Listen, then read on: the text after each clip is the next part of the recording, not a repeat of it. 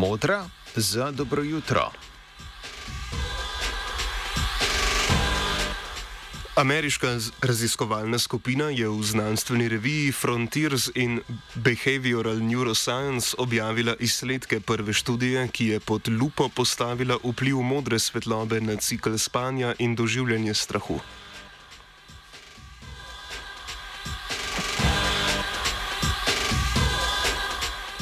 Težave s spanjem so značilen simptom posttraumatskega sindroma.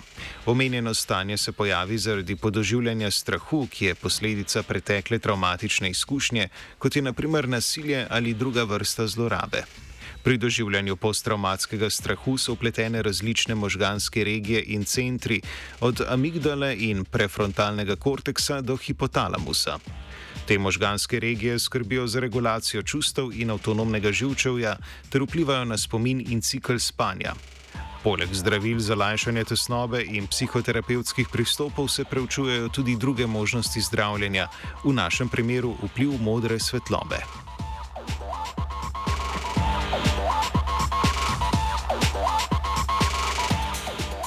V randomizirano dvojno slepo študijo s placebom je bilo vključenih 82 ljudi, starih od 18 do 50 let.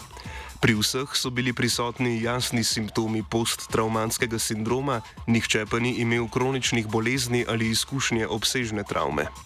Ravno tako nihče ni imel zdravil ali prehranskih dopolnil, ki učinkujejo na spanje. Že en teden pred začetkom izvajanja študije so začeli vsakodnevno izpolnjevati dnevnik spanja.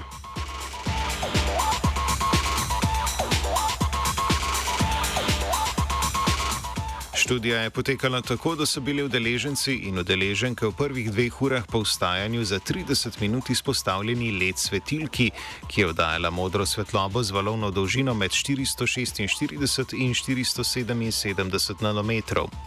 Kot placebo so določili rumeno svetlobo. Svetlobo zaznavajo fotosenzitivne ganglijske celice v očesni mrežnici, ki žilčne signale pošiljajo v hipotalamus in s tem vplivajo na izločanje melatonina, posledično pa na ritem budnosti in spanja. Izkazalo se je, da je jutranja izpostavljenost modri svetlobi izboljšala počutje in kvaliteto spanja pri osebah s posttraumatskim sindromom.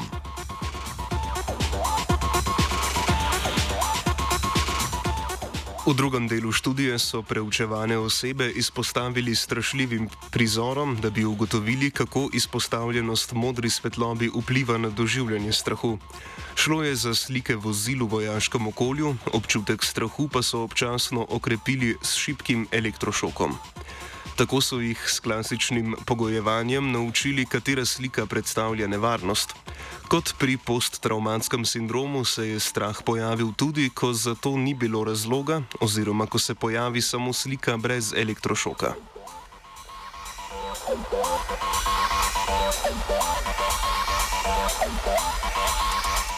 Občutanje strahu ob gledanju slik so beležili s pomočjo samoopazovanja, meritev prevodnosti kože, EKG in magnetne resonance.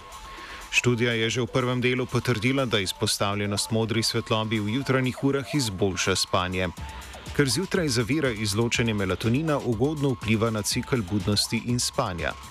Drugi del študije pa je pokazal, da zmanjša doživljanje strahu, saj vpliva na regulacijo avtonomnega živčevja, ki uravnava odziv na držljaj.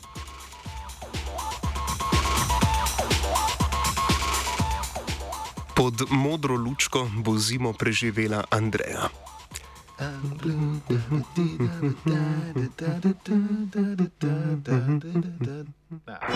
Three, two,